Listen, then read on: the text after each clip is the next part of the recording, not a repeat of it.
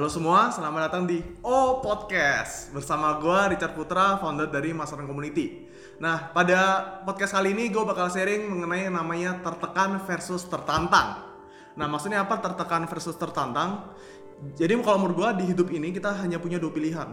Ya, jadi kita saat lu dikatain orang, saat lu mengambil keputusan, saat keputusan lu tuh terkadang ada orang ngeraguin keputusan lu. Lu tuh cuma punya dua pilihan yaitu adalah lu tertekan atau lu tertantang.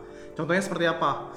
Jadi tantangan terbesar kita saat baru mau jalani bisnis atau lagi menjalani suatu hal yang menurut kita itu bakal membuat kita berhasil biasanya problem kita di awal adalah teman terdekat kita atau enggak keluarga terdekat kita. Betul atau betul banget? Nah ini gue bakal sharingin dulu saat gue mulai bisnis pertama kali di usia 15 tahun gue sharingin bisnis gue ke keluarga gue, ke teman-teman gue, dan sudah pasti anda bisa bayangin, lu bisa dan sudah pasti lu bisa bayangin bocah usia 15 tahun ngejalanin bisnis udah pasti dimaki. Betul atau betul? Jadi waktu itu teman-teman gue dengerin gue jelasin bisnis gue sharingin soal bisnis teman-teman gue hanya bilang seperti ini. Ah cat lu orang paling bego yang pernah gue denger.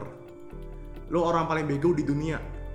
Ya kalau lu berhasil di bisnis lu gue bakal ngikutin bisnis lu wah di situ sakit banget. Karena kenapa? Bukan hanya hari itu aja saya dibully. Bahkan hampir setiap hari setiap kali ada guru masuk ke kelas selalu berkata seperti ini teman-teman saya. Wah ada bos. Wah ada bos bisnis nih. Wah ini bos sukses bos kaya. Di situ teman-teman lu punya hanya punya dua pilihan. Lu tertekan atau enggak lu tertandang betul? Dan saat gue jelasin ke keluarga gue gue mulai bisnis. Karena tujuan gue adalah gue pengen punya penghasilan tambahan di bisnis gue dan gue juga mau mulai untuk jualan produk. Di situ keluarga gue hanya bilang seperti ini udah cat lu jangan ikut yang aneh-aneh deh. Fokus aja sama sekolah lu sekarang. Udah lu nggak usah ngebayangin yang aneh-aneh. Lu fokus aja sama sekolah lu. Ini kalau papa lihat udah pasti kamu gagal karena kamu nggak cocok di sini dan segala macam. Ujung-ujungnya saya kena marah. Ya bukan kena marah lagi bahkan waktu saya baru mulai jualan aja itu pasti saya diomelin. Udah lu nggak usah jualan. Lu sini ke sini belajar. Lu ke sini nonton TV segala macam. Di situ kalau lu jadi gua apa pilihan lu? Tertekan atau tertantang?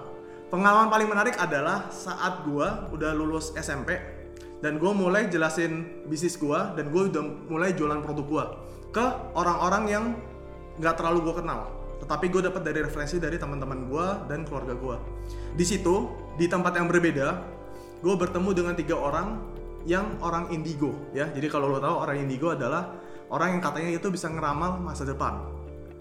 Nah, orang indigo pertama saat gue ketemu sama gue, waktu itu gue lagi jualan produk, orang indigo itu bilang kayak gini ke gue, saya lihat masa depan kamu bahwa kamu tuh masa depannya madesu, masa depan suram. Kamu nggak bakal sukses. Malah adik kamu yang nanti sukses, bukan kamu. Jadi kamu jalanin aja hidup kamu apa adanya, karena kamu emang diciptakan tidak berhasil lu bayangin di posisi gue kayak gitu wah tertekan banget di usia gue yang masih 16 tahun. Dan bukan hanya orang indigo pertama gue akhirnya ketemu lagi dengan orang indigo kedua. Dan entah gimana saat dia lihat muka gue emang antara muka gue itu datar atau seperti apa gue nggak ngerti. Dia cuma bilang kayak gini juga lu kalau saya lihat lu nggak bakal berhasil. Ke depan saudara lu lebih berhasil daripada lu. Lu mah nggak bakal jadi apa-apa. Jadi ya lu jalan aja hidup apa adanya. Lu bayangin dua orang indigo ngomong yang sama dan yang ketiga ini paling parah. Umur lu pendek, bentar lagi lu lewat. Dan lu nggak bakal berhasil. Lu nggak bakal sukses jalan apa pun. Udah lu terima aja nasib lu. Nah, lu bayangin di posisi gua saat itu, gue dikatain teman gua, dikatain keluarga, dan bahkan orang-orang yang ngaku mereka adalah orang-orang indigo. Lu hanya punya dua pilihan, tertekan atau tertantang. Nah, di posisi itu, jujur, kesel, iya, sedih, iya, mungkin tertekan. Cuma kalau gue mikir kalau gue tertekan di saat itu dan gue setuju sama kata-kata mereka maka akan terjadilah hidup gue sesuai dengan kata-kata mereka. Di situ gue mikir kalau gue percaya sama mereka bener gue bakal hidup gue tertekan hidup gue madesu masa depan suram dan gue nggak bakal berhasil. Tapi di situ karena gue punya impian yang besar gue punya strong why alasan yang sangat kuat gue harus berhasil.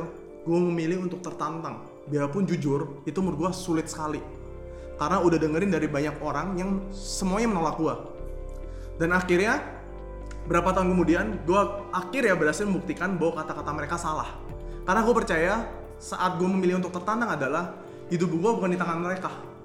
Hidup gue itu di tangan Tuhan. Mereka bukan Tuhan. Nah, tetapi yang bikin gue harus mengambil putusan adalah diri gue sendiri. Jadi di situ gue harus memilih, gue tertekan atau tertantang. Akhirnya gue memilih tertantang. So guys, buat teman-teman semua, mungkin saat lu lagi ngejalin suatu usaha yang mungkin tidak ada support dari teman-teman lu, keluarga lu, atau enggak orang-orang yang mungkin gak kenal yang tiba-tiba menuduh lu bahwa lu gak bakal berhasil. Kalau apa yang lu jalanin sekarang, lu lihat ini ada potensinya buat lu, ini ada passionnya buat lu, ini ada bikin lu ngerasa ini loh keuntungan jangka panjangnya. Lu bakal udah lihat beberapa bukti bukti suksesnya juga. Jadi bukan hanya lu pribadi yang ngomong ini gue pasti sukses karena ya gue ngerasa ini sukses. Enggak, harus ada bukti, harus ada data bahwa apa yang lu jalanin sekarang itu udah pasti berhasil. Dan juga lu tentukan juga dengan strategi apa lu jalanin dan ujung-ujungnya adalah lu buktiin kepada mereka bahwa lu bisa berhasil. Jadi saran gue, lu harus tertantang Oke, semoga apa yang gue sharing di podcast ini dapat membuat kalian oh dan tentunya banyak insight-insight dan mindset-mindset baru yang mungkin ada yang mungkin lo bisa terapin di kehidupan lo dan di usaha lo. Oke, sekian sukses untuk kita semua dan sampai jumpa di episode selanjutnya.